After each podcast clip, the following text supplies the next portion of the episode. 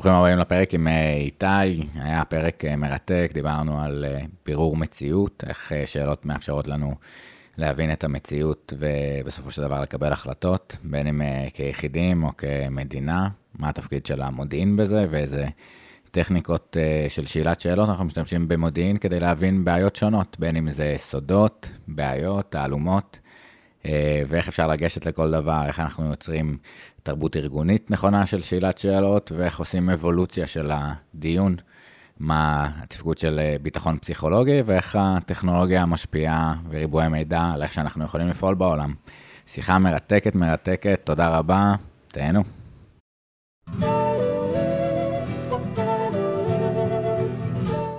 אתם מאזינים ל"שאלה טובה", פודקאסט על שאלות.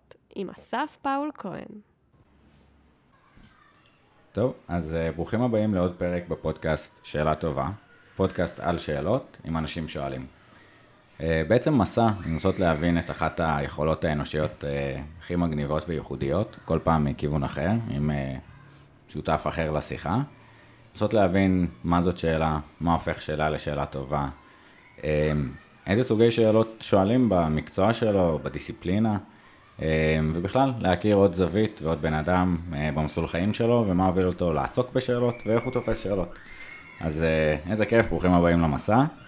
אה, לפני שאני אציג אותך ואת האורח שלנו היום, אני מבקש ממך כרגלנו לבחור מספר בין 1 ל-85. 33. מגניב, שלא, המספר ששלחת ב... בטופס, ואז, אה, אתה יודע, דלתות מסתובבות כזה, אבל אני אוהב את השאלה הזאת, אז נזרום איתה. אה, לו יכולת לשנות משהו אחד בחברה, מה זה היה?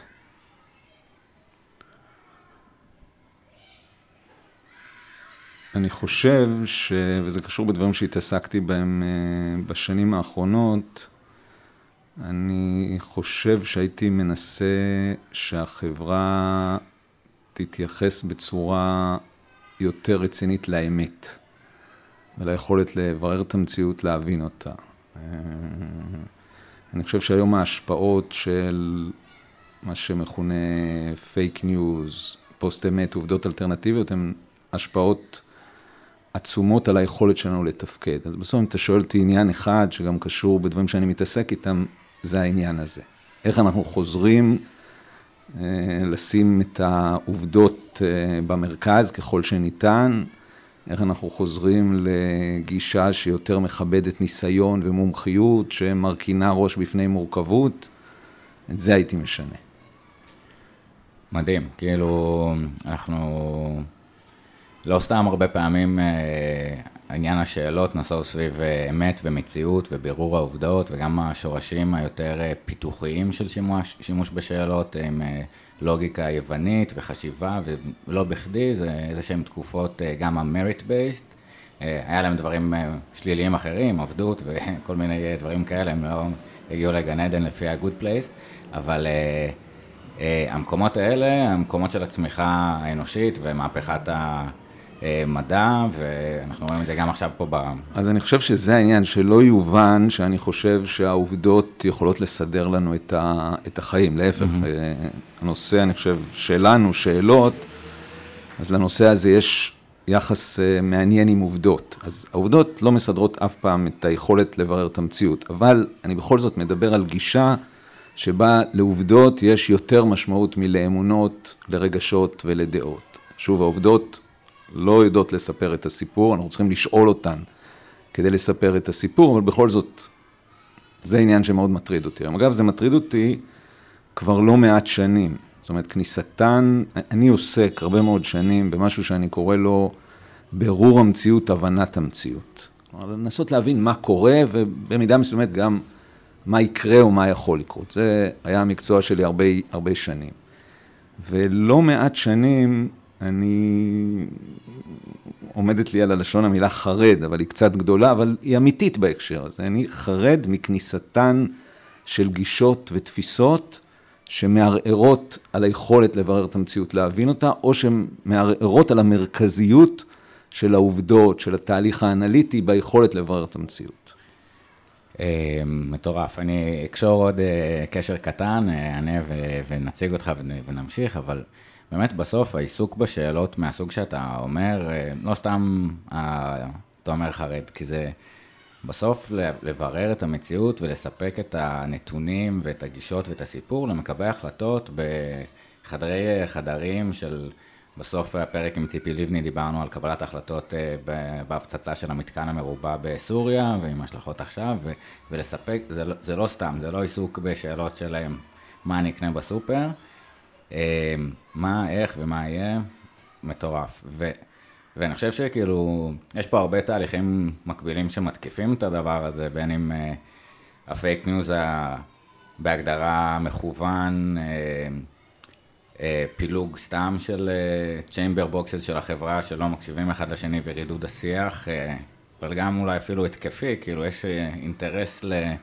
לייצר את החוסר תפקוד הזה בחברות מסוימות, אז אפילו סוכנים זרים אני בטוח שהיו רוצים, אז יאללה בואו נעסוק באמת, שאלות, איזה מטורף. אני, אני מאוד מתחבר, כאילו, הקורונה אותי מאוד תפסה חזק, כאילו, וכזה, גם הרגשתי מחויבות פסיכולוגיה ארגוני, חברתי, בידוד חברתי, איך אנחנו יכולים uh, לעשות עם זה משהו, אבל, uh, אבל גם, וואו, יש פה אתגר אנושי מטורף ושיתוף פעולה, ומי... אתה יודע, יש איזה, זה שסוקרטס הולך לחפש את האמת אצל כל uh, סוג של, uh, uh, של אדם, הסופרים והפוליטיקאים, והיה פה כאילו מבחן מטורף לגם איזה עם מסתדר, ו...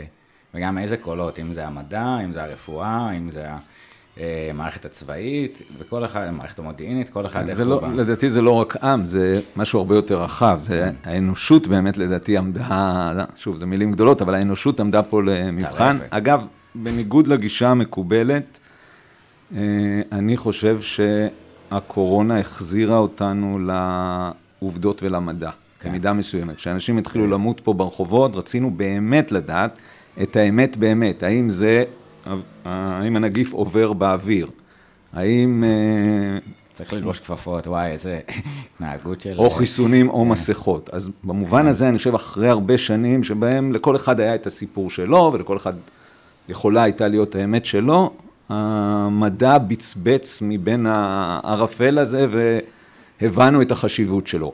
מה שכן הקורונה התאפיינה בו מאוד, זה באי ודאות אמיתית. כלומר, באמת לא ידענו, והמדענים עמדו חפויי פנים ולא ידעו תשובה כי היינו באי ודאות אמיתית, אבל זה לא פוסט אמת.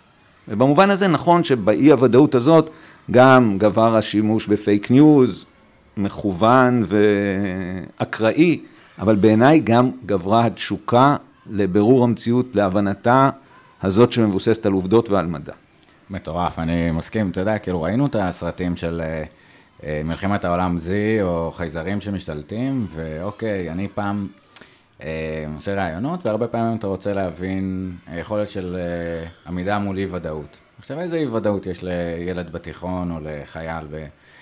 ופתאום, אתה יודע, כולנו נקראנו למצב כזה אמיתי, איך האנושות תסתדר, העברת מידע בין מדענים, רשת של זה, וממש מאבק, שאנחנו רואים אגב, what doesn't kill you אה, evolves and tries again, uh, לראות את המאבק הזה, מטורף. Uh, אז אני חושב שאני, התשובה שלי הרבה פעמים היא uh, לראות את המורכבות יותר של כל בן אדם. Uh, אני מאוד בעד השיח על diversity ו-inclusion, אבל אני חושב שהוא חוטא לפעמים, זאת אומרת, אנחנו רואים מודעות uh, דרושים של uh, דרוש או אתיופי, ערבי, או מישהו עם uh, מוגבלות, כאילו...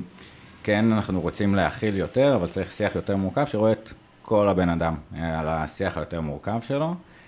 אה, ודבר נוסף, כאילו באמת העמקת השיח ולהוריד את הקיטוב אה, מתוך זה, מתוך ההבנה שבן אדם הוא יותר שלם, גם אם הוא ימני, מאמין יותר בשמאלני, באישות יותר שמאל, זה לא הדבר המרכזי, גם אם הוא ערבי, ישראלי, גבר, אישה, בואו נעשה טוב. מגניב, איזה כיף. אז שאלות ודברים מגניבים. אז סודות, חידות ותעלומות, עיסוק בשאלות שעניין של בירור מציאות והבנה של שאלות של מה המדיניות הנכונה שדיברנו עליה, מתוך ריאליזם ביקורתי, מציאות ובירור האמת. איתי, איתי ברון מסיים שלוש שנים כסגן ראש המכון למחקרי ביטחון לאומי, לשעבר ראש המחקר באמ"ן, אה, מפקד דדו לחשיבה צבאית בינתחומית. מטורף, אנחנו נצטרך להבין מה זה ה-think tanks האלה ומה מה קורה בחדרים האלה. אה, בעבר הרחוק יותר אה, ראש מחלקת מחקר של מודיעין חיל האוויר, מלמד קורסים על מודיעין, כוח אוויר וביטחון לאומי באוניברסיטת תל אביב, חיפה ורייכמן. פרסם את הספר המחקר המודיעיני, בירור המציאות בעידן של תמורות ושינויים. אה, וספר נוסף שלו, על הכוח האווירי של ישראל, עתיד להתפרסם בקרוב, כל זאת ועוד. נשוי, אב לשניים, אה, ומתגורר ברמת גן. איזה כיף. אז אה, איתי, מה, איזה כותרות מטורפות, ביוגרפיות היסטוריות, איך הדברים הגיעו לידי כך ש... שעשית את כל הדברים האלה? היית, אני אומר, חוזר לאיתי בתיכון שנייה, לשיחה איתו. זה משהו שהיה אפשר לראות? היית יכול אה, לחזות את הדרך הזאת שתעשה אה, בעולם המודיעיני? מתי זה התחיל? אה, שאלה טובה, האמת, בפודקאסט על שאלות. אה, אני חושב שלא, אבל זה יותר מסובך מזה. אני חושב שאת ה, את רוב השנים, המספר 33, אני חושב בתת מודע, אולי בגלל 33 שנים שהייתי בצבא. וואו. אז את 33 השנים האלה, לדעתי, אי אפשר היה לחזות. אגב, אפשר לדבר על זה אחר כך, אני לא כל כך מאמין בחיזוי. כלומר, כשאני עוסק, אה, אני רגע פותח סוגריים, רק כי דיברת על אה, לחזות. אדיר, זה הפורמט, יש לנו זמן. אוקיי, אז, אה, אז אני לא כל כך מאמין בחיזוי.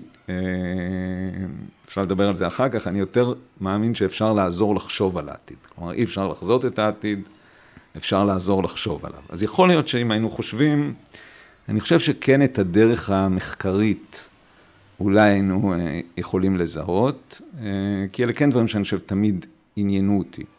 אותם דברים שבשלב הרבה יותר מאוחר קראתי להם לברר את המציאות, להבין את המציאות. אז אני חושב שזה תמיד עניין אותי.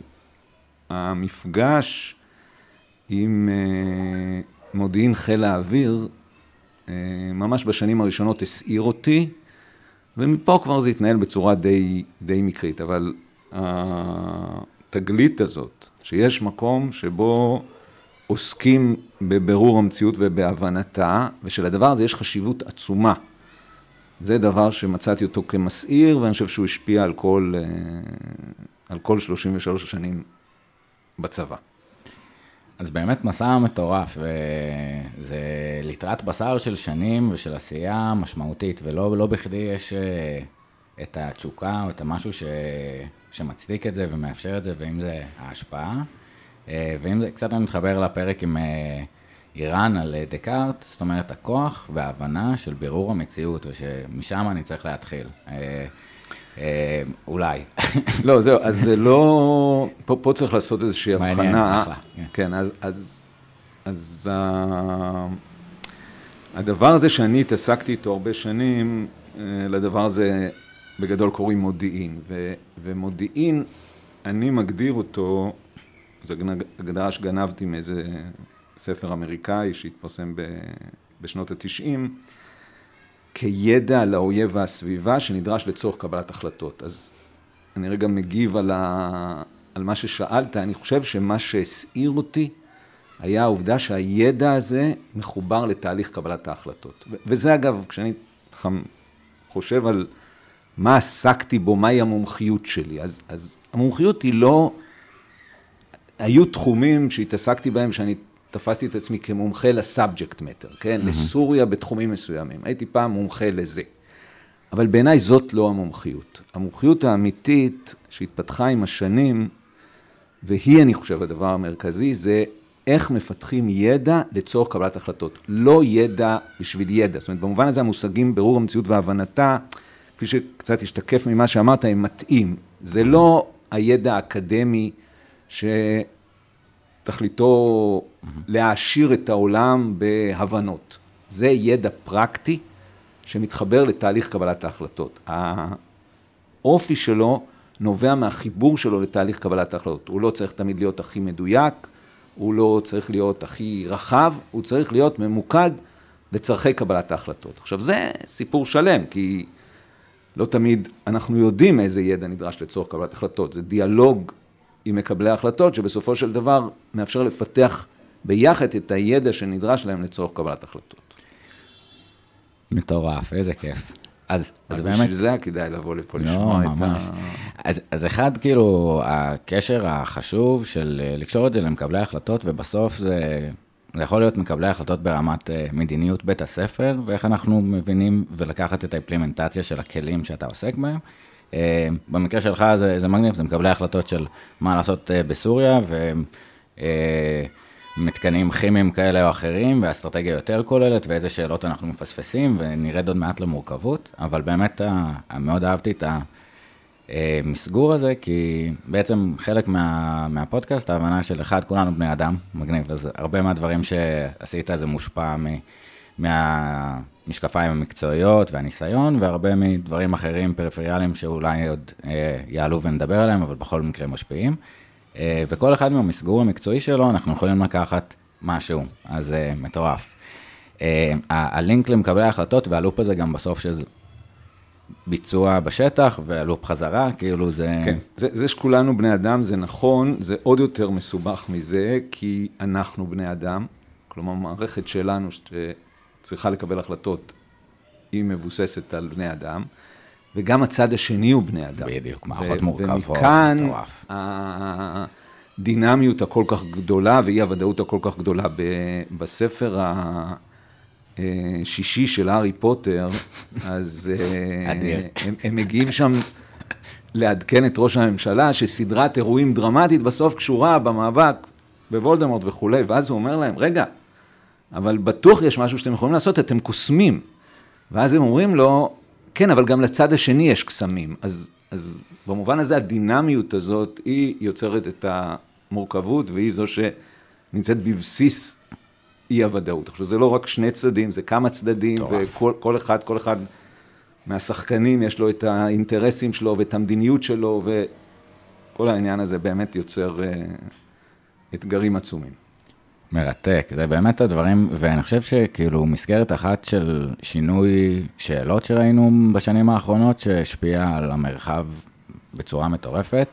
אחד זה קצת, אנחנו רואים עכשיו ניצנים של זה, השינוי מפתרון הסכסוך לצמצום הסכסוך וההשפעות של זה. אה, והשני, מ... אה, זה קצת תרגיל מחשבתית אה, גיאוגרפית, מהסתכלות מצומצמת של איפה הגדר עוברת ואיפה אנחנו בכפר הזה מול הכפר הזה, לזום אאוט למזרח התיכון למפה יותר גדולה, ועירוב של שחקנים אה, נוספים, הסכמי אברהם, שינוי, וזה בסוף אני שינוי שיש עוד- שאלות ופרספקטיבות והבנה, כאילו, תהליכים שהבשילו, אה, יותר מורכב מזה, עוד, אבל כן. עוד קבוצת שאלות אה, מעניינת, שדווקא קשורה אולי לדברים שאתה מתעסק בהם. אנחנו, אלה שעסקו בבירור המציאות ובהבנתה בהקשרי המזרח התיכון, עסקו בדרך כלל במנהיגים. הם היו, המנהיגים המזרח תיכונים היו אנשים חזקים, שהיו להם מנגנוני ביטחון גדולים וצבאות חזקים, ובסופו של דבר הם הכתיבו את האג'נדה, הם הכתיבו את סדר היום. וזה קרה עוד קודם, אבל בוודאי ב-2011 נוספה לנו קבוצת שאלות מרתקת שקשורה בציבורים, באיך מבינים אנשים, היציאה הזאת של האזרחים לרחובות ב- בינואר, פברואר 2011, בקריאה להפלת המשטרים הערבים הסונים, היציאה הזאת לרחובות טלטלה את המעריכים, את ארגוני המודיעין, והציבה להם שאלות שקשורות בציבורים. עכשיו, מיד התפתחו אוסף של שאלות מעניינות, האם אפשר להבין ציבורים? האם צריך להבין ציבורים? האם זה בכלל business של המודיעין? אפשר לעשות לזה outsourcing לגורמים אחרים? אז לכל מה שאמרת, גם מצטרף העניין הזה של הציבורים. מרתק, זה, זה כאילו, א', כל פעם השבירת פרדיגמה הזאת, בין אם יום כיפור אה, או זה, נתפסנו לא מוכנים באיזושהי שאלה שאז הייתה נכונה, זאת אומרת, איך אנחנו יכולים להבין את המדינה, פרוקסי הכי טוב, המנהיג, הוא גם הכי משפיע, upper echelon theory, אה, באקסטרה, יש סדרה נורא יפה של האויבים כזה, ניתוח אה, אה, ממש אה, נשים בלינקים. אה, סאדאת כמייצג מובהק של יזם אסטרטגי שמחליט, הולכים למלחמה, הוא קורא את הגנרלים שלו, אומר להם את הרעיון שלו, הם יוצאים מהחדר, בונים תוכנית, בונים כוח, ובשישה באוקטובר 73, בשתיים בצהריים יוצאים למלחמה. זה היה נכון פעם, והיום יש דברים אחרים, ואני מסכים איתך לגמרי, זה מאתגר את התשתית הכי בסיסית של איך מבררים את המציאות ואיך מבינים אותה בכל מה שקשור למזרח התיכון, בענייני ביטחון לאומי.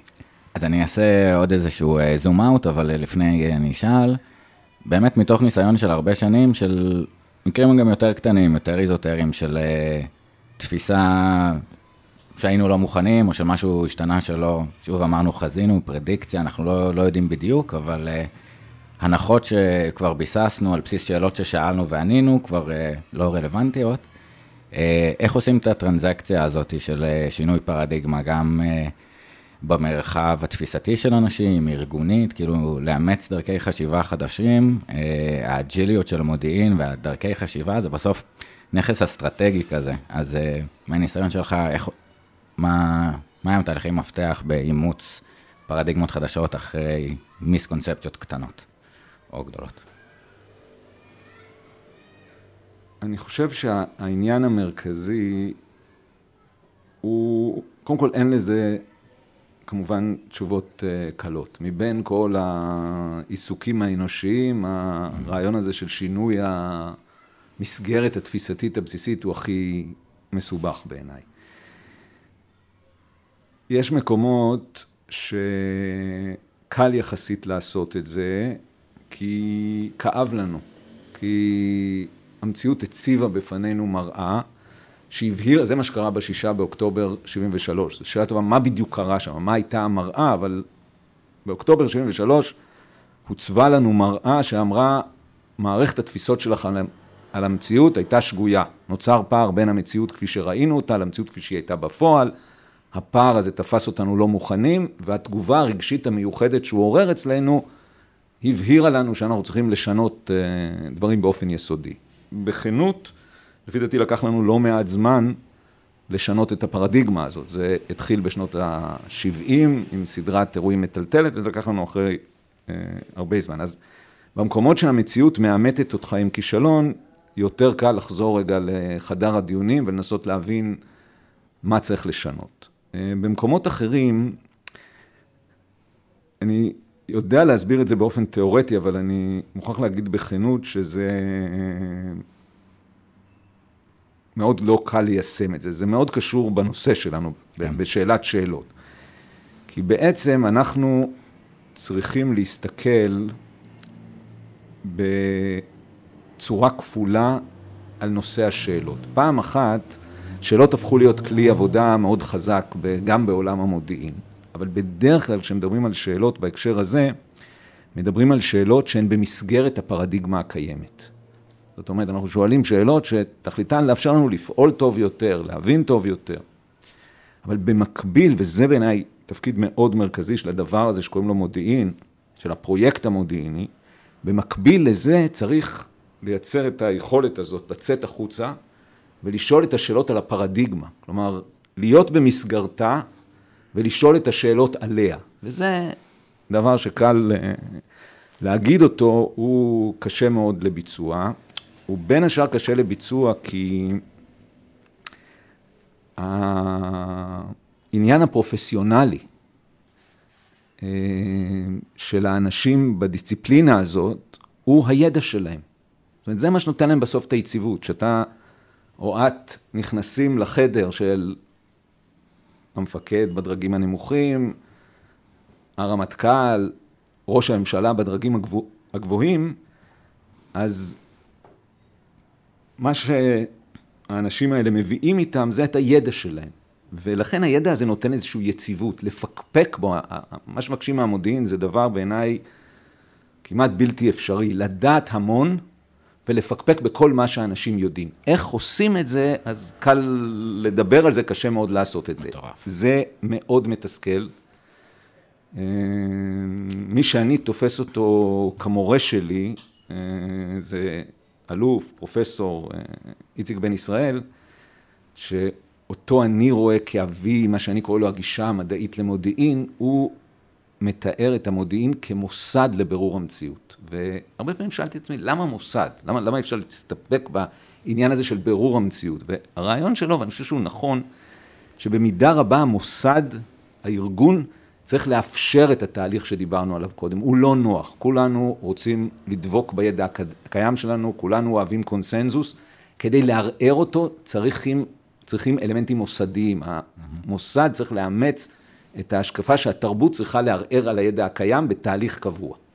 אז מטורף, אני חושב שכאילו זה, זה תהליך גם שרואים אה, בכל מיני דיסציפלינות, אה, וזה בכלל מהפכה קצת בשיח יותר מדעי, אה, תומאס קון דיבר על זה במהפכות מדעיות אה, של המדע הנורמלי, זה שאלות שאנחנו מדברים עוד בתוך הפרדיגמה, ואז השלב מעבר הזה זה השאלות חדשות, ויש משהו פעמיים אינהרנטית שסוגר קצת את המודיעין בהקשר הזה. אחד זה גם להיות היודע וגם להיות השואל. אה, understanding, או לשאול באיזשהו מקום. להיות הספקן. הספקן, שזה גם question, כאילו הספק נכון. ההיפרבולי, אבל נכון. מגניב עוד פעם הלינק לשאלות, אה, תרגום מטלפילולוגיה.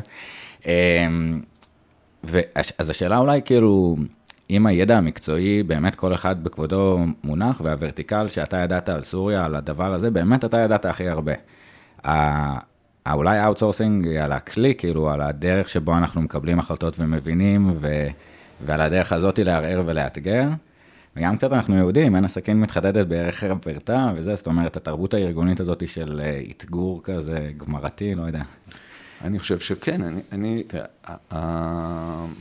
מה שאני, דעתי, בגילי המתקדם, כבר אפשר לקרוא לו התפיסה או ההשקפה המודיעינית שלי, במרכזה עומד הרעיון של ספק וויכוח. אומרת, זה, זה היסוד הכי מארגן.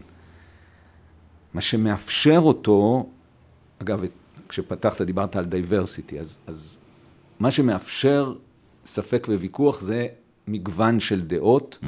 שאותן אה, צריך להכניס לחדר, זה נובע מזהויות שונות של אנשים, אבל גם מתרבות שמאפשרת להטיל ספק ולהתווכח. זה לא קל, ואני חושב, ככה שאלת אותי על החברה באופן כללי בהתחלה, זאת חברה בעיניי שפחות אוהבת אה, ספק וויכוח.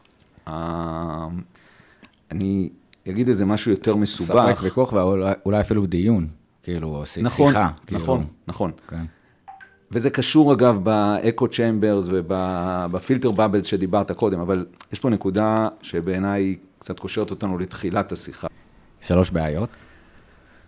אני עושה הבחנה בין אה, שלוש קבוצות של בעיות. בעיות שאני קורא להן בעיות ישנות, הן לא ישנות במובן של מיושנות, אובסוליט, הן עדיין נוכחות בחדרים האלה שדיברת עליהם קודם, בחדרי הביטחון הלאומי, החדרים שעוסקים בבירור המציאות, בהבנתה, בבחינת אופציות ובקבלת החלטות. אז הבעיות הישנות הן בעיות כמו עיוותים תפיסתיים, כשל הדמיון, דבקות בקונספציה, דברים שמדברים עליהם עשרות שנים, ולמולם פיתחנו מנגנונים מסוימים. המנגנונים האלה הם בעיקר מנגנונים של ספק וויכוח, אפשרויות מתחרות, דברים שאפשר לדבר עליהם תכף. יש קבוצת בעיות, שקצת, אה, אני חושב, רמזת עליהן קודם, והן קשורות במהפכת המידע, בשטף האדיר הזה של הנתונים, שמגיעים בכמויות עצומות, במהירויות גדולות, בפורמטים שונים.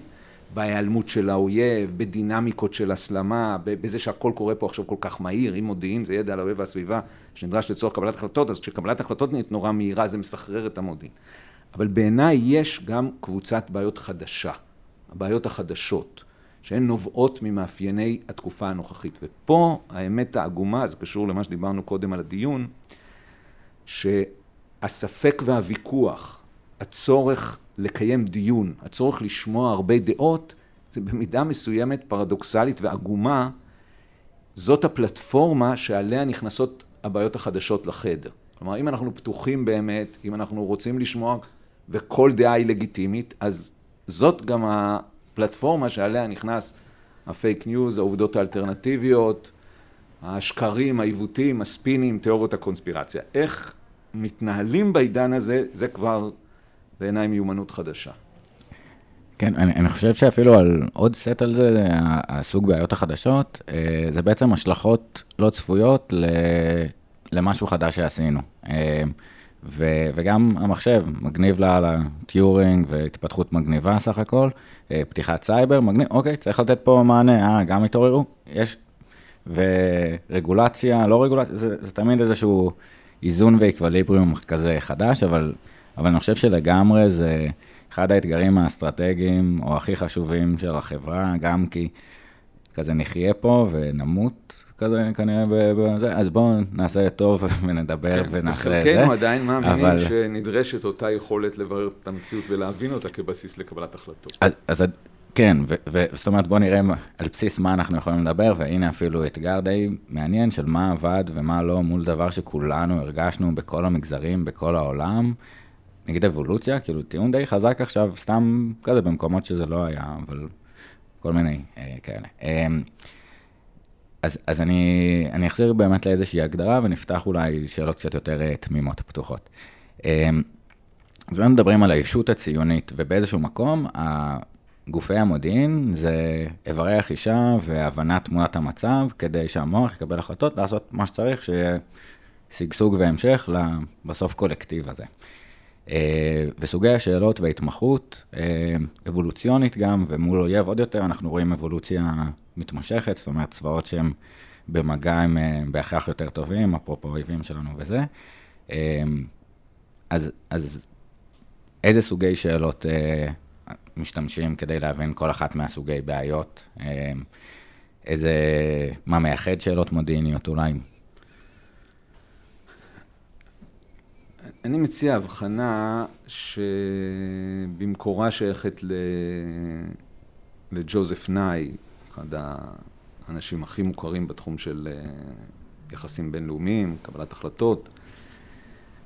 הוא ככה, בסיום המלחמה הקרה, אה, כתב מאמר שנקרא Peering into the Future, ושם הוא עשה הבחנה בין סודות לבין תעלומות. זו הבחנה שאני מוצא אותה מאוד אה, חשובה, ואני פיתחתי אותה, תכף אני אסביר לעוד קטגוריה נוספת. אז בהבחנה הבסיסית, סודות זה אלו שאלות שעניינן משהו שקיים במציאות,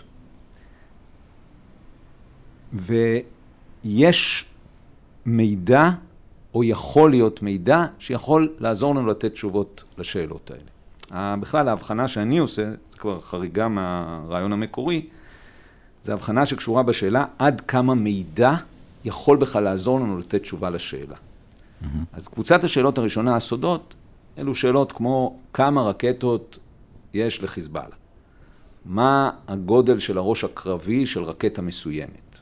מה הטווח של הרקטה? אלה שאלות שגם אם mm-hmm. אין מישהו שיודע לתת עליהם את התשובה עכשיו, הוא יכול לברר אותה. אני מדמיין ככה שיש איזה קובץ, לא יודע, איפשהו בחיזבאללה, שאומר כמה רקטות יש שם. אז במובן הזה, המידע הזה... סופי אחד-אחד, מעודכן שתיים. בדיוק. הכי אחרון. הכי אחרון סופי בהחלט. אז, אז במובן הזה, המידע הזה פעם היה באיזה כספת פיזית, והיום הוא בטח באיזה ספרייה של מחשב, אבל אלה סודות. פה המידע, אגב, המידע אף פעם, או מהניסיון שלי, המידע לא ייתן תמיד את התשובה המוחלטת, אבל הוא יעזור לנו מאוד. ופה האתגר המודיעיני, או האתגר של שואלי השאלות, כשמעתיקים את זה לתחומים אחרים, זה לתת תשובה הכי מדויקת שאפשר. חיזבאללה mm-hmm. יש 98 אלף רקטות. הטווח של הרקטה 300 קילומטר. הגודל הראש הקרבי 500 קילו. בסדר? זה תשובות מדויקות לשאלות מסוג סודות. בקוטב השלישי, עכשיו נעשה את זה, יש את התעלומות. מה יקרה בסוריה בעוד עשר שנים? את האמת, אין שום מידע, ואם נרצה אז עשרים שנה, בשביל לעשות את זה באמת אה, ברור יותר, אין שום מידע שיכול לתת לנו תשובה לשאלה הזאת. Mm-hmm. זאת התפתחות עתידית, ולכן פה, מתודולוגית, זה לא לתת תשובה מדויקת ככל שאפשר, זה המקרה הקלאסי שבו צריך לעזור למקבלי ההחלטות לחשוב על העתיד, בעיקר באמצעות תרחישים ו- וכלים אחרים. כלומר, אין דרך לדעת באמת מה יהיה שם. כן. לא מרב הפרדים אודות, אלא תמונת... אז, אז, אז מה בעצם, חשיבה או... לנהל או... איתם דיאלוג. האם אפשר לחזות את העתיד? לא. האם אפשר להתכונן לעתיד? ברור. האם למודיעין יש תפקיד מרכזי, מרכזי בזה? מאוד מאוד מאוד. Mm-hmm. אבל הכלי לעשות את זה הוא לא וואי, בתשובה מדויקת. בסוריה יהיה ככה וככה, אלא להגיד, יש תרחיש כזה ויש תרחיש כזה ויש תרחיש כזה. אף אחד מהם, אגב, לא יקרה בדיוק במציאות, אבל הדיון עליהם יכול לעזור לנו להתכונן לעתיד. לצד אה, אה, שתי הקבוצות האלה, אה, שנייה, לצד הסודות והתעלומות, אני מוסיף קבוצת אמצע, והיא החידות.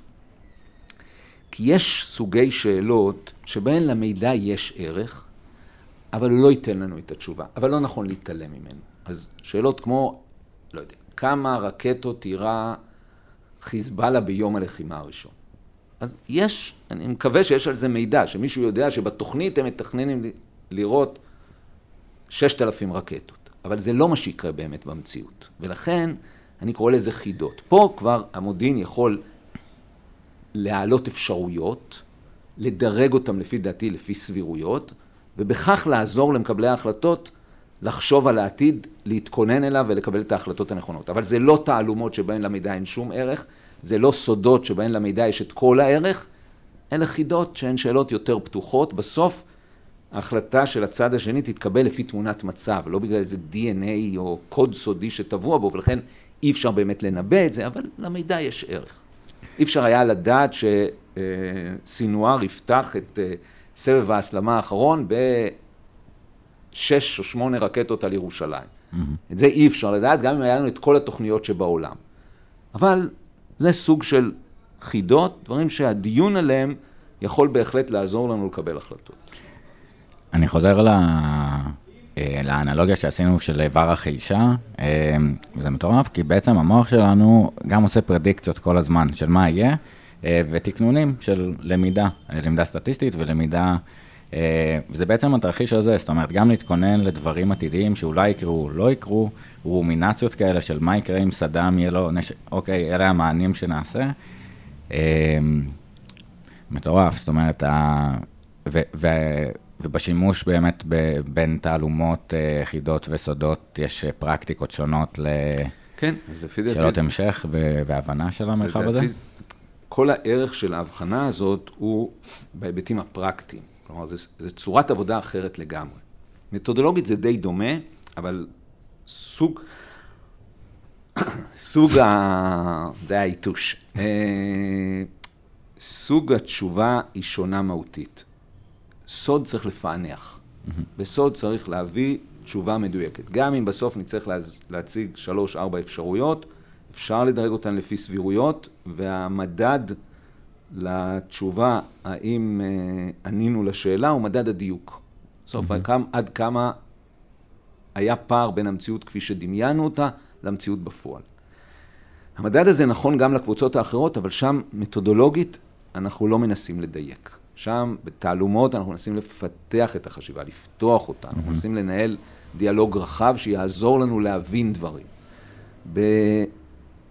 בחידות אנחנו איפשהו באמצע, שם העניין הוא הרבה יותר פרקטי, ואנחנו רוצים לנסח איזה מין תמונה שתאפשר לפתח לה מענה, או תאפשר לנצל איזושהי הזדמנות. מטורף, אני כאילו שוב לוקח את זה ל... רק עוד דבר אחד, אני, אני חושב ש... המסגרת הזאת שמציעה את שלושת סוגי השאלות האלה יכולה להסביר לא מעט מקרי כישלון. כי לא פעם אנחנו מטפלים בתעלומה בכלי של סוד. Mm-hmm. וזה, פה אנחנו דומד לטעות. כי אם נצליח זה יהיה מקרי לחלוטין.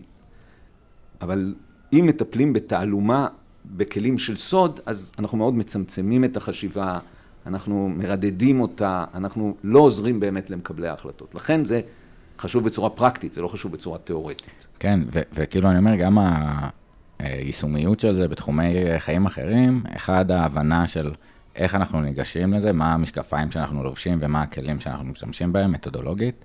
אה, ו, וגם כאילו באמת כל ההטיות שדיברנו עליהן, אה, זה גם יכולות להיות מבניות, אבל גם חשיבתיות. אם יש לנו באמת המוח האנושי זה הכלי הכי אה, מטורף שאנחנו מכירים והכי מורכב ביקום, להביא כמה כאלה ממש טובים לאותו חדר, ואם אנחנו לא מייצרים את השונות הבלתי מוסברת, אה, איזה ערך מוסף, אה, שוב, ב group think, באיזה חשיב, וזה בסוף אני אומר, זה תהליכים קשים.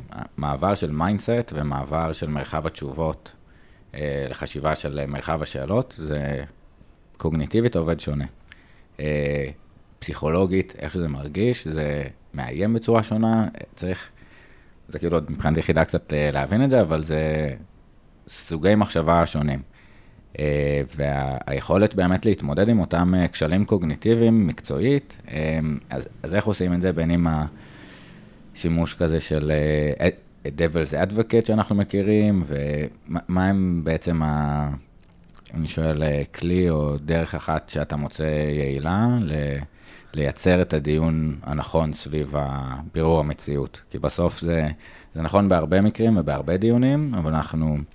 דוגמה אחת מפרק אחר, סתם אני ככה עוד ניתן לך זמן להתבשל עם התשובה שלך, של אה, אנחנו לא מדברים על אותה שאלה. זאת אומרת, אה, מעבר בין נושאים אה, וחזרה של מיקוד על מה אנחנו בעצם מדברים. כן. ריבוי דעות, ריבוי אמת, כאילו דיברנו על... אני, אני חושב שזה קשור מאוד בשאלה מהי הגישה ש... דרכה אנחנו משקיפים על המאמץ הזה לבירור המציאות ולהבנתה. כלומר, מבחינה הכי בסיסית, מהי המהות של המאמץ הזה? ואני, אה, עוד פעם, זה יוצא קצת מגוחך, אבל גם פה יש לי שלוש אה, גישות. נכון. אה, אין מה לעשות. הייתי 33 שנים בצבא, ויש לי שלוש גישות כמעט בכל עניין. יש את הבדיחה הזאת של, אני אחלק את הנאום שלי לשלושה חלקים, בחלק הראשון אני אגיד שהוא מחולק לשלושה חלקים, בחלק השני... אז הגישה שאני מעדיף אותה, אני קורא לה הגישה המדעית, היא גישה שכבר פחות או יותר תיארנו את מאפייניה. היא גישה ש... קודם כל שמה במרכזה את הרעיון הזה של הצורך לברר את המציאות ולהבין אותה, היא דוחה מאוד גישות שלא מאמינות בקיומה של מציאות שאינה תלויה בפרשנותנו. אה, היא ריאליסטית. ריאליזם. היא, היא, היא, okay. היא אוקיי. מתעבת את הפוסט-מודרניזם, היא מתעבת את פוט... הקונסטרוקטיביזם.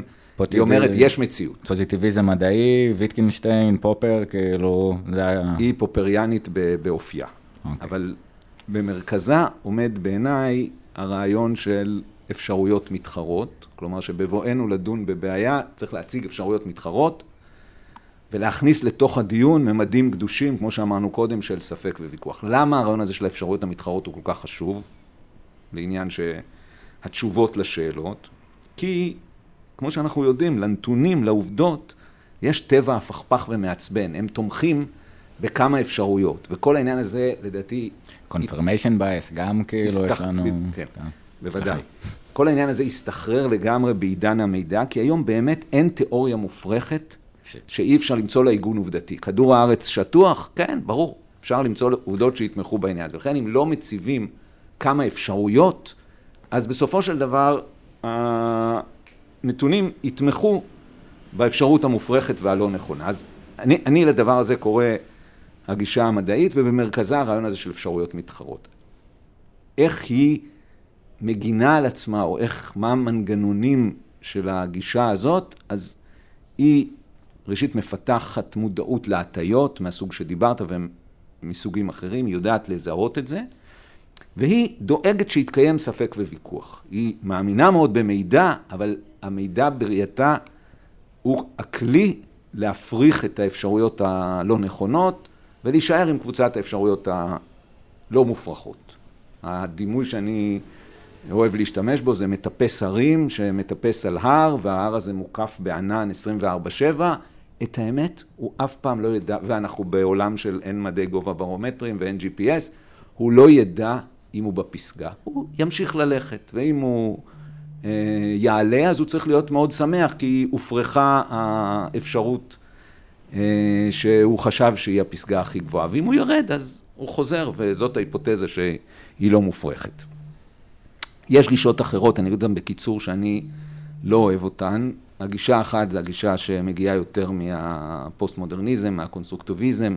זו גישה שמחליפה את הספק והוויכוח בהסכמה, בלכידות, אה, זאת גישה שמאמינה, יש לה הרבה יתרונות אגב לגישה הזאת. היא לימדה אותנו על המורכבות, ובזה היא הייתה טובה מאוד, היא לימדה אותנו על השותפות הזאת שבין המודיעין למקבלי ההחלטות, אבל בבסיסה היא עלולה לגרום לנו להתנגש במציאות. הגישה היותר מסוכנת בעיניי, היא הגישה, למרבית הצער, היותר מקובלת לפיתוח ידע וגם למודיעין. היא גישת המומחים. זאת גישה שאומרת, אנחנו, בזכות ההיכרות העמוקה, זאת גישה שבעצם מבחינה פילוסופית אומרת, יש מציאות, למציאות הזאת יש חוקים, התפקיד של המודיעין זה לפענח את החוקים. וזאת גישה שאומרת, אנחנו מומחים באמצעות ההיכרות העמוקה שלנו עם האויב, עם הסביבה, אנחנו יודעים להיכנס לראש של האויב, וכשאנחנו שם, לראות מה קורה. זאת גישה בעיניי מאוד בעייתית, היא צודקת המון פעמים, כי בדרך כלל אנשים עושים בדיוק את מה שהם עושים אתמול, אבל בעיניי היא גם טועה בגדול במקומות הגדולים כשאנשים עושים שינויים, וכן, אנשים עושים שינויים. סאדאת הפתיע את האנשים הכי קרובים אליו, אנשים ששום ארגון מודיעיני בחיים לא יפתח נגישות כזאת לקבוצת האנשים שסביבו, פעם אחת שהוא הלך למלחמה, ופעם אחת... למרות שלפי פרסומים זרים, היה גישה שם במצרים. בסדר, אני בסוף חושב, לא, אבל יש פה עניין כן. אמיתי, לא... כן. בדרך כלל כשאני... האנשים הכי קרובים לנו, שחשופים לנו לגמרי, מפתיעים אותנו. ולכן הגישה הזו אומרת, אני מומחה... אני חושב שכאילו בבסיס יש פה כמה הבדלות שזה. אחד, למומחים יש יותר ניסיון, ולכן ההערכה שלהם לרוב, המשקולות שהם לוקחים בחשבון, הם יותר קרובים בקירוב למציאות. כל זמן שהמציאות אבל... היא ליניארית. בדיוק. כל שני. זמן שהמציאות yeah, מוכרת בדיוק. אז אני אומר, נכון, אחד לגמרי, ומה לעשות, המציאות היא לא ליניארית. אנחנו מרגישים יותר זה, בדיוק. אחד, בכלל אנחנו מדברים על בירור המציאות, ואנחנו רואים שבהגדרה היא משתנה מיוון העתיקה של פנטה ריי והכל זורם, לטירוף, וגם קצב השינויים, אפרופו בירור המציאות, וזה אולי אתגר קצת לשיטה המדעית באיזשהו מקום, קצב השינוי משתנה לא ליניארית, וקצב הידע נכון. משתנה לא ליניארית. אז הקצב של פרסום מאמרים והבנה ו- וניתוח שאני מסכים בו, הריגר המדעי ועומק הדיון, אולי גם צריכים להתעדכן באיזשהו מקום. כאילו אתגר חדש. כן, עם זה אני מאוד מסכים. אה, זה קשור בעיניי בתופעה שתום פרידמן קורא לה Age of Acceleration, עידן ההאצה, שהכל נעשה פה כל כך מהיר. ואני באמת חושב שמפתחי, ניסינו לעשות את זה בשנים האחרונות אה, במכון למחקרי ביטחון לאומי, ב-INSS, ניסי לעשות את זה עוד קודם בארגוני מודיעין, עושים הרבה מאמצים בכיוון הזה, וגם האקדמיה מתנהלת בכיוון הזה, לייצר תוצרים שהם יותר מהירים, שהם יכולים להיכנס לתוך תהליכי קבלת ההחלטות. זה אגב טלטלה גדולה, כי למשל זה משנה תהליכי בקרת התוצר, אי אפשר לבדוק כל דבר. ועכשיו בקורונה, בקורונה ראינו דבר מאוד מאוד יפה, בעיניי מאוד מרשים, וזה את המאמרים שהם לפני ביקורת האמיתיים, הם כבר מופצים, הם מאפשרים רגע להתרשם, אבל הם מתפרסמים מתוך תהליך פיתוח הידע. ובעיניי זה דבר שאם מבינים את כללי המשחק, יש לו חשיבות uh, גדולה מאוד. כשאנחנו עברנו במודיעין לדיגיטל, בעצם ארגוני מודיעין עברו את המהפכה הזאת, שעברו גם במקומות אחרים, מפרינט לדיגיטל, מלהיות מעודכן פעם אחת ביום כשאתה מפרסם את פרסום הפרינט, ללהיות מעודכן 24/7, כי הדיגיטל צריך להיות מעודכן כל הזמן. זה חייב לשנות מן היסוד את תהליכי בקרת התוצר, כי אי אפשר שכל דבר יאושר על ידי הרמות הגבוהות, צריך לסמוך על הדרגים הנמוכים. וכן, טעויות קורות, אגב, לא בגלל שהם דרגים נמוכים, טעויות קורות גם בדרגים גבוהים. להפך, זה אפילו יתרון אסטרטגי גם ברמת הלא לעצור בטנקים ועל הכנרת, הסורים שצריכים לקבל את הזה, נכון. ובדיוק מהירות נכון. התגובה של הישות הזאת, אני מסכים, אני חושב שהישראלים בטבעם הם אה, מה שמכונה פיקוד משימה, הם יודעים לקבל החלטות בשטח בדרגים נמוכים למול תמונת מצב, כן. ולהיות יותר מהירים מתהליך קבלת ההחלטות של הצד השני, בעיניי יש לזה חשיבות כן. עצומה. שרביט הרמטכ"ל וכו', כן. אמ, אז, אה, אז מה זה בעצם מחקר אסטרטגי בראייה שלך? ב... אז פה אתה... שינוי נושא, אה, אפרופו שינוי mindset קשה. לא, לא, לא, לא, אתה... אבל כן, קפצתי בו. אתה משתמש במושג כן. ש... מה זה מחקר מודיעיני, פחות או יותר דיברנו. כן. זה העניין של בירור המציאות והבנתה. מחקר אסטרטגי הוא בעיניי, ה-INSS למשל, המקום שבו הייתי, שהיה הבית המקצועי שלי בשלוש השנים האחרונות, הוא לא מכון מחקר לבירור המציאות, הוא עוסק בפוליסי, הוא עוסק במדיניות, הוא עוסק בשאלה מה נכון לעשות, או מה אפשר לעשות. אז אני חושב שהמחקר האסטרטגי בהקשר שאם אני מבין נכון שאלת עליו, כי יש גם מחקר אסטרטגי במודיעין, אבל לא עליו אנחנו מדברים. אני חושב שאנחנו מדברים על המחקר האסטרטגי במובן הזה, הוא בסוף מחקר המדיניות. במרכזו עומדת השאלה איזה אפשרויות יש, איזה אלטרנטיבות יש, מה היתרונות והחסרונות של האלטרנטיבות ומה נכון, מה האלטרנטיבה שיותר מתאימה להקשר הספציפי.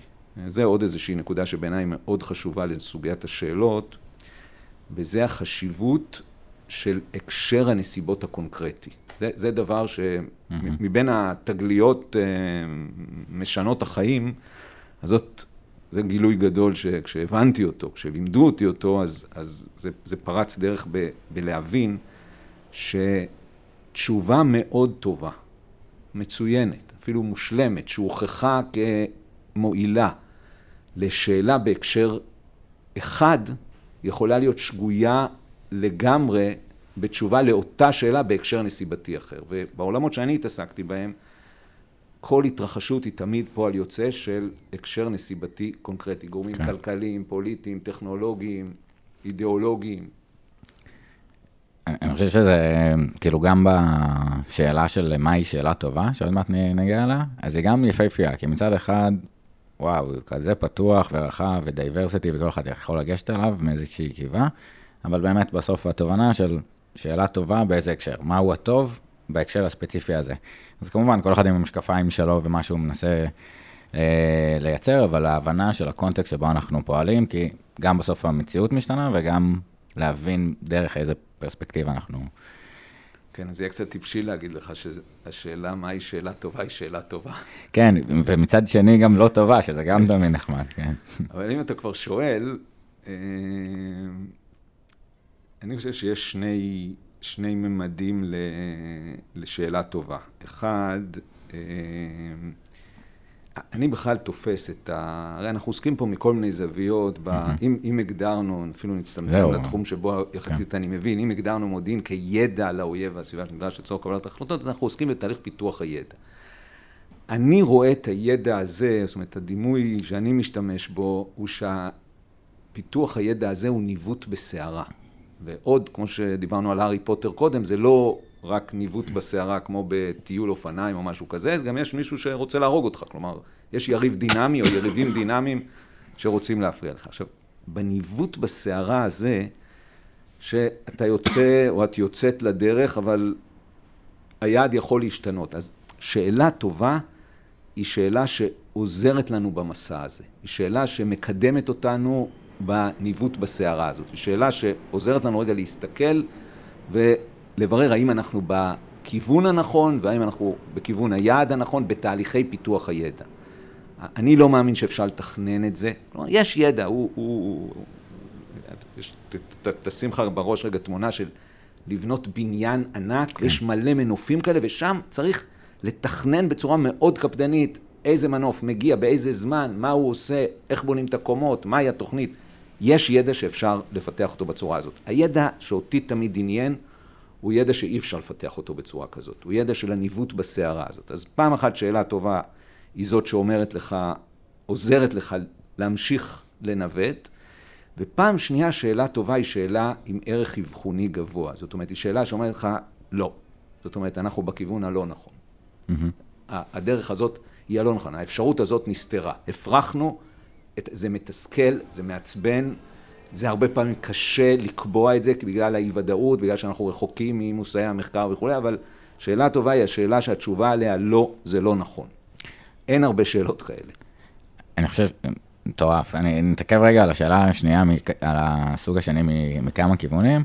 אחד באמת, אה, הטיית האישוש מאוד אה, מובילה אותנו, אה, ואנחנו, כן, הנה, באמת הוא כזה, יופי, אני צודק, אז גם אנחנו מרגישים טוב בפנים, וזה יותר אפשר לחזק, אבל כמו שאמרת, זה לא מספר לנו שום דבר חדש, אז דווקא לגלות משהו חדש והיפותזה מתחרה, אפרופו גם המקרים האלה, אז לגמרי. ו, ודבר שני, זה קצת אולי אה, המקום קצת של למידה מכישלון. זאת אומרת, זו ראייה שונה קצת על מהו כישלון, כי בעצם פה כישלון הוא הצלחה. עם המשפט של אדיסון של אה, כן. אלף דרכים אה, לא להמציא נורא. אה, אני מאוד מסכים. שהוא היה מניאק קצת, אדיסון. אני מאוד מסכים איתך. אני גדלתי, את, את רוב השנים שלי לא עשיתי ב... באגף המודיעין, ששם סיימתי את השירות הצבאי שלי, עשיתי במודיעין חיל אוויר, כן. והסביבה החיל אווירית, לאורך הרבה שנים, אני מקווה שזה כך היום, טיפלה בכישלון בצורה מאוד מיוחדת, במידה מסוימת אפילו בצורה אוהדת. Mm-hmm. כי היא הבינה שזה מחולל הלמידה הכי גדול. ואני גם, אני מהרבה שנים, זה, זה מאוד לא נעים להיכשל, ובעולם שהייתי בו אז כישלונות זה גם אנשים שנהרגים או מבצעים שנכשלים, אז זה לא נעים להיכשל, אבל יש משהו בכישלון שמחדד מאוד את הסיבתיות. כלומר, בהצלחה קשה, אני, שוב, אני לא אומר דבר תיאורטי, אני אומר דבר אמפירי, משהו מהניסיון. בהצלחות קשה לזהות את הסיבה המדויקת שהביאה להצלחה. Mm-hmm. בכישלון זה עניין, עוד פעם, זה עניין של ניסיון. בכישלון יותר קל לזהות את הבורג שהתרופף. עכשיו, בעולם המודיעיני זה נורא קשה, כי לא תמיד יודעים, או בדרך כלל לא יודעים, מה הייתה המציאות. כשיש תאונת מטוס, אז בסוף, בסוף, בסוף, שולים את השברים מהים, אוספים אותם מההר, שמים אותם בהאנגר גדול וימצאו את הבורג שהתרופף, או את הטעות האחרת. שזה הסודות בעצם. בדיוק, במובן הזה זה סוד. במודיעין זה גם סוד, אבל אתה לא יודע, אנחנו לא יודעים, אין לנו את השברים האלה, אנחנו לא יודעים מה היה בצד השני. אני, אגב, היו לי חוויות משני הסוגים. היו לי חוויות של, אה, ש, שתחקרתי אותם ככישלון, וכעבור עשר שנים פתאום הגיע מידע שאמר, לא, צדקנו אז, פשוט לא הבנו את זה. והיו חוויות הפוכות, שחשבנו שצדקנו, ואחרי זמן הבנו ש... כי, כי, כי בניגוד לתאונת המטוס, אנחנו לא יודעים מה הייתה באמת המציאות בצד השני. אני חושב שגם המעבר הזה הוא מעניין, זאת אומרת, גם אם בסוף נגיע לתשובה של הסוד, שזה היה הבורג הזה והזה, אה, יש את החמש אה, הלמה של טויוטה, אה, של בסוף אנחנו יורדים לאיזה root cause, למה זה קרה, פס ייצור היה... מישהו לא שם לב, אפשר גם לסגור את זה שם, להאשים את הש"ג. לא, ההכשרות לא היו טובות, ובעצם שינוי... אז, אז אולי נשתמש בתירוץ הזה כדי להבין את הייחודיות של השאלות אה, אקסטרה, שאלות ההמשך. זאת אומרת, ביררנו את המציאות ואנחנו מבינים אותה באיזשהו מקום. אחד, מתי יוצרים? כי לפעמים אמרנו, הקבלות צריכות, קבלת החלטות צריכה להתקבל ודברים צריכים לקרות בשטח, זה לא פילוסופיה תיאורטית. אמ, איך, איך הדינמיקות המשך? עוצרים, בעיניי עוצרים ב... אה, אני, אני מחייך, אה, זה בטח לא עובר באודיו, אבל אה, אני מחייך כי כשאתה שואל את השאלה הזאת, אז עוברים לי כל המקרים שבהם אה, עצרנו דברים אפילו שהמטוסים היו באוויר. כלומר, במובן הזה זה לא נגמר עד עד שנגיד במקרה הספציפי הזה, עד שהחימוש פוגע במטרה או לא. בכל רגע שאפשר עוד לעצור, זה בעיניי לגיטימי לגמרי לשאול את השאלות, להמשיך בתהליכי פיתוח הידע ולדעת שאולי אנחנו לא צודקים. אני, יש לי כרגע, אני לא, לא אתאר בדיוק את המקרים, אבל יש מקרים של שיחות אה, בעולם של שיחות ועידה או שיחות, שיחות דרמטיות, ש, שבהן קורה משהו.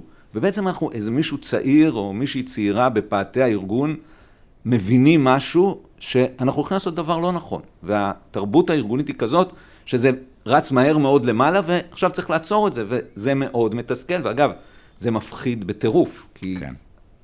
א', הרי אנחנו אף פעם לא יודעים בדימוי ה...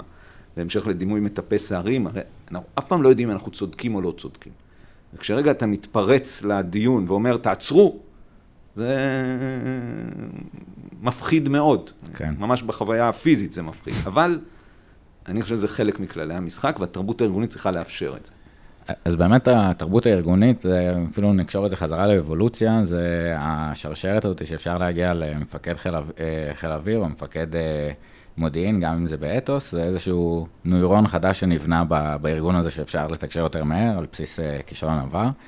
וה, והאבולוציה הזאת זה מתודולוגיה תרבות ארגונית אסטרטגית, כאילו גם במודיעין וגם בחיל אוויר, יש פרק על אה, עמותת שמיים שעושים תחקיר חיל אוויר, אה, נשים אה, גם לינק למי שרוצה drill down לזה, אבל באמת הלמידה מכישלון, ומאפשר לקצר שנה בהכשרת צריך- טייסים, ולהיות אה, ורק מטורף. צריך כאילו. לוודא שהתרבות הארגונית הזאת נשמרת. כלומר, כן. אני, אני חושב שאחד התהליכים, אה, הוא לא חדש בעיניי, אבל הוא יותר דומיננטי היום, זה ה...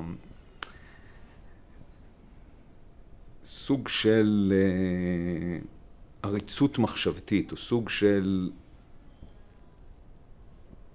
דינמיקה שמגיעה מלמעלה ומדכאת את הדיון הזה.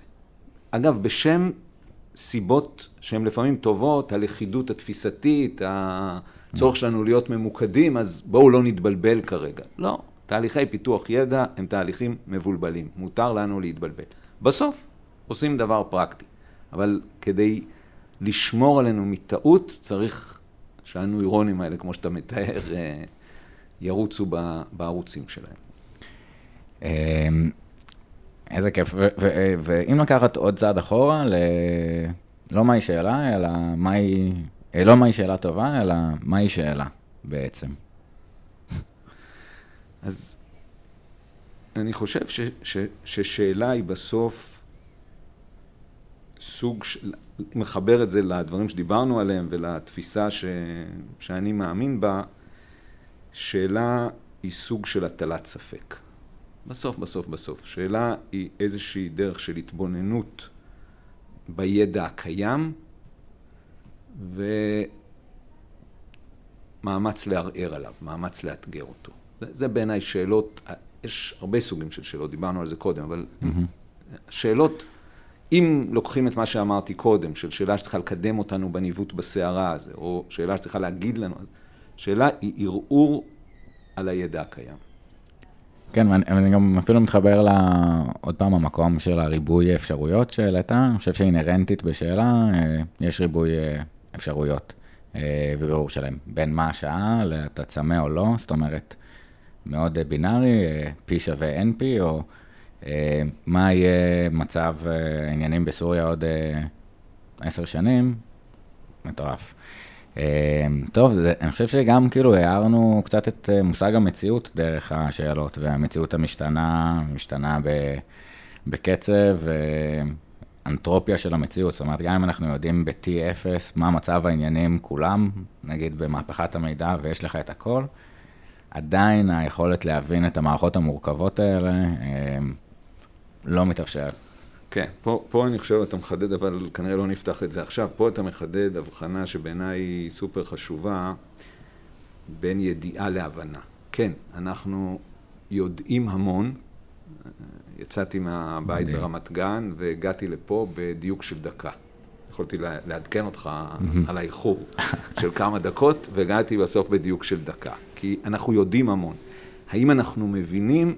אני חושד שאנחנו מבינים פחות ממה שהבנו בעבר, בעולם שהוא, היה בו פחות מידע, אבל הוא היה פחות מורכב. כן, ריבוי מסיחים, זאת אומרת, קשה לנו... זה לא רק ריבוי ה... כאילו דווקא המסיחים הם. Outliers ואנחנו יכולים לזהות אותם. אז נכון, יש, כאילו- יש יותר אותות, אבל יש יותר רעשים, וזה מה שמייצר את אי-הוודאות, אבל זה לדעתי יותר, אה, יותר עמוק מזה, ואולי הדבר הכי חשוב בהקשר הזה, זה שאנחנו לא פעם מחליפים ידיעה בהבנה, ו- ו- ו- וזה, וזאת בעיה בעיניי מאוד מרכזית, זאת אומרת, היכולת למדוד דברים.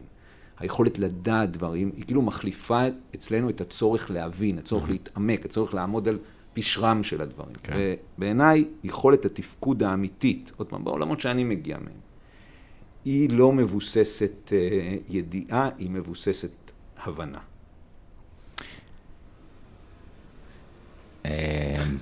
לא, אה, לא יודע, כל כך הרבה כיוונים, נעשה... אה, נשאיר את זה לעוד פודקאסט. כן.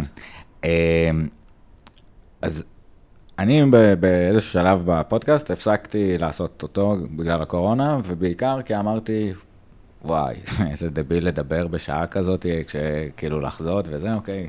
מהון להון, גם כבר בפודקאסט דיברנו. אבל אה, אני חושב שזה בוחן מטורף של אה, לאן בעצם זה התפתח, איך אנחנו אבל במורכבות האלה. למה הפסקת לעשות את הפודקאסט? אני חושב שהרבה מהמסע הזה הוא כזה בצניעות אה, אפיסטימולוגית, ואתה יודע, הבנה של אחריות אני לא מבין בזה, ואז ההבנה שאוקיי, גם המומחים לא מבינים בזה, ואף אחד לא מבין, וקצת הריאליזציה של זה באיזשהו מקום.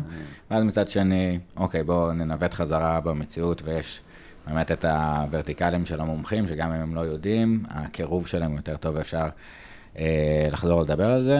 אה, ואפרופו המציאות, אני חושב שעוד תובנה שהייתה בקורונה, שהיא קצת כזה farfetched, אבל היה מתח באוויר, היה איזה דוק של עצב, של איזה חרדה עולמית רגע, ב, ב, מההשפעה של תודעה עולמית ו, ובישראל, איך שזה נוצר.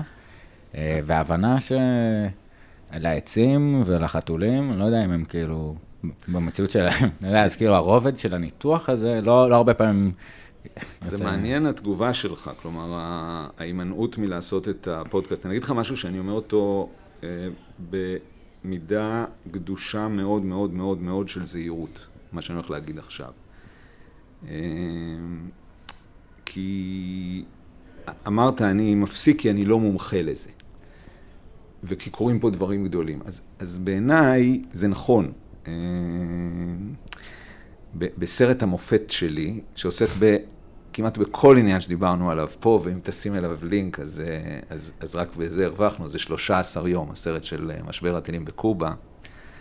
אז יש איזה רגע די בתחילת המשבר, שג'ון קנדי ובובי, אחיו, והדמות המומצאת, קני אודונל, קווין קוסטנר, יוצאים למרפסת של הבית הלבן, ו...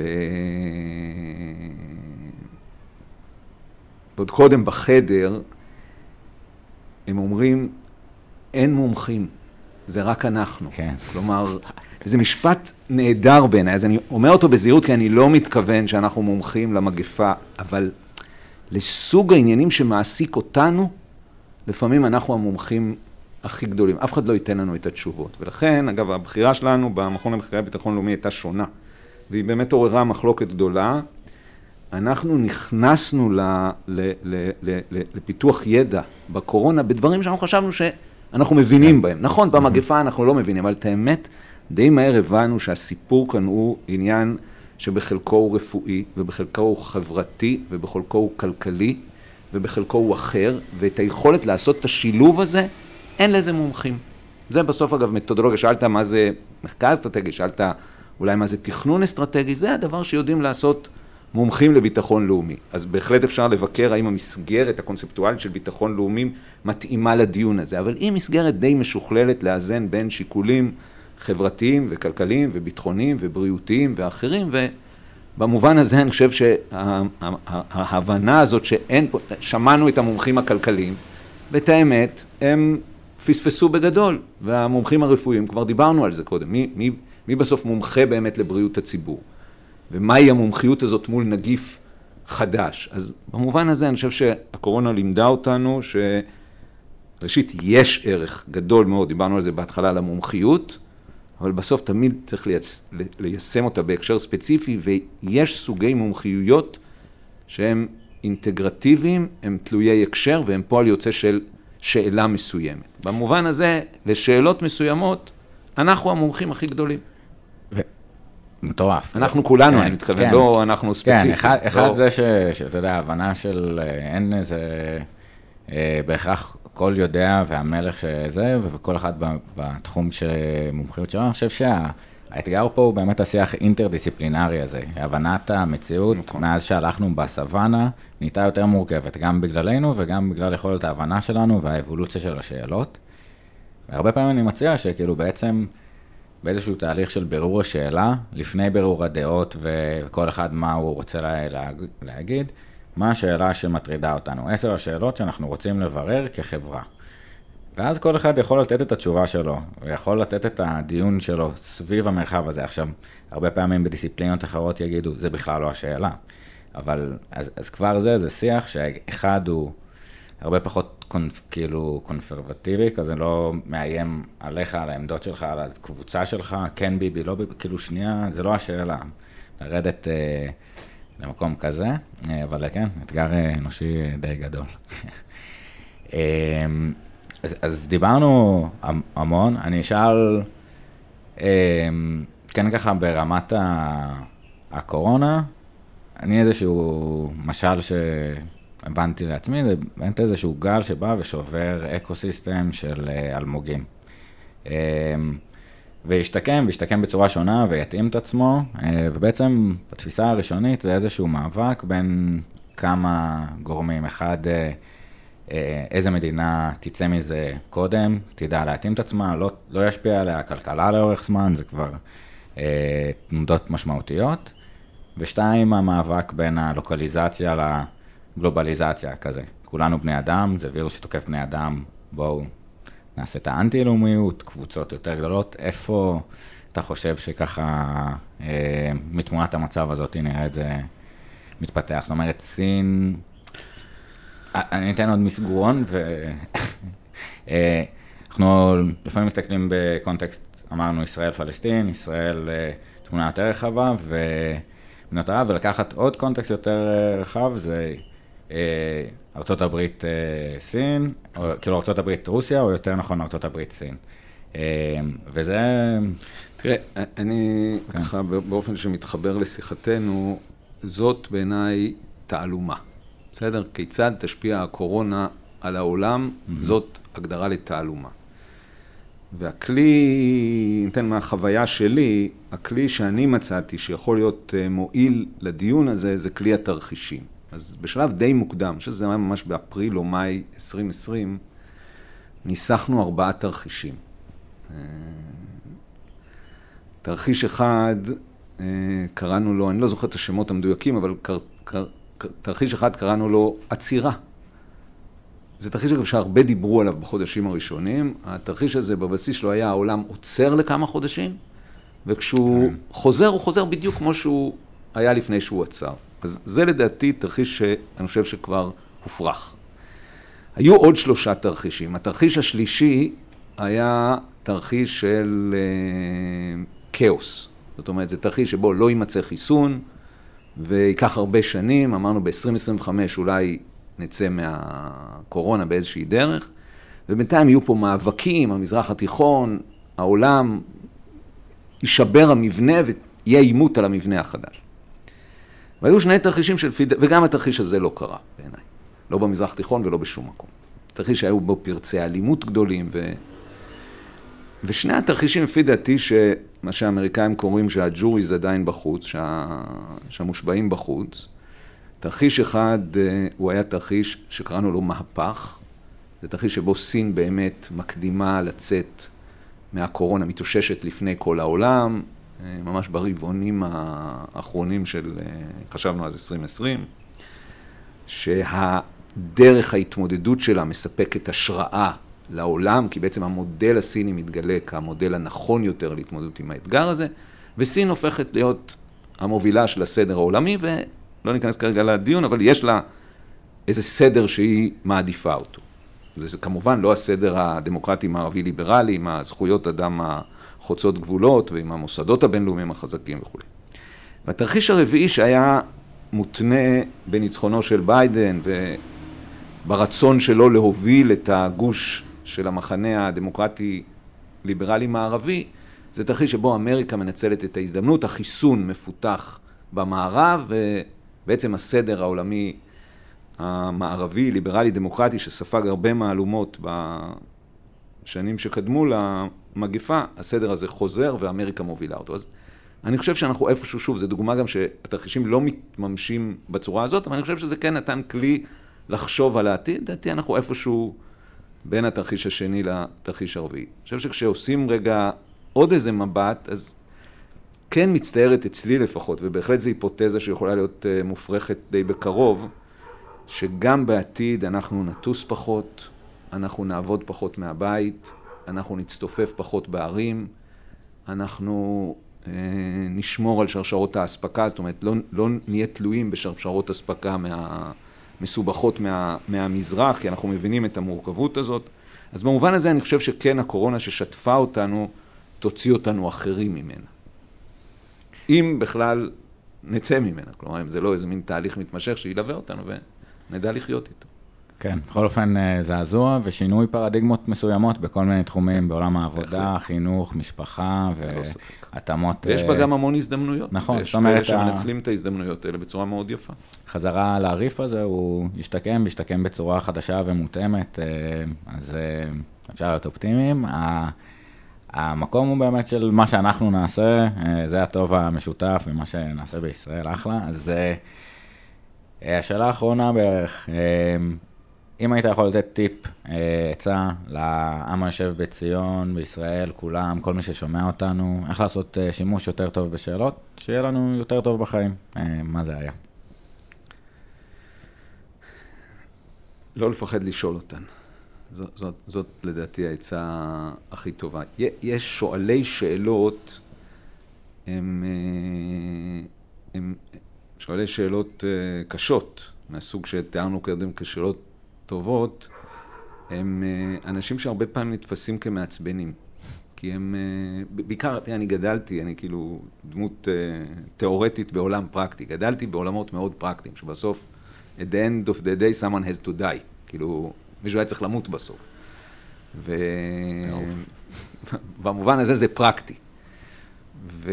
ושואלי שאלות נתפסים כאנשים מעצבנים שמפריעים לתהליך. אז א', לא לפחד לשאול שאלות, וב', לתת לזה מקום. לתת לזה מקום בתהליכי קבלת החלטות. שאלות הן דבר טוב, הן לא פוגעות ביכולת לנווט בסערה, הן בעיניי רק עוזרות. אה, לגמרי, ביטחון פסיכולוגי ויצירת, אה, נשים ככה שלל לינקים אה, להעמקה. אני ממש אהבתי מהשיחה, תודה רבה איתי.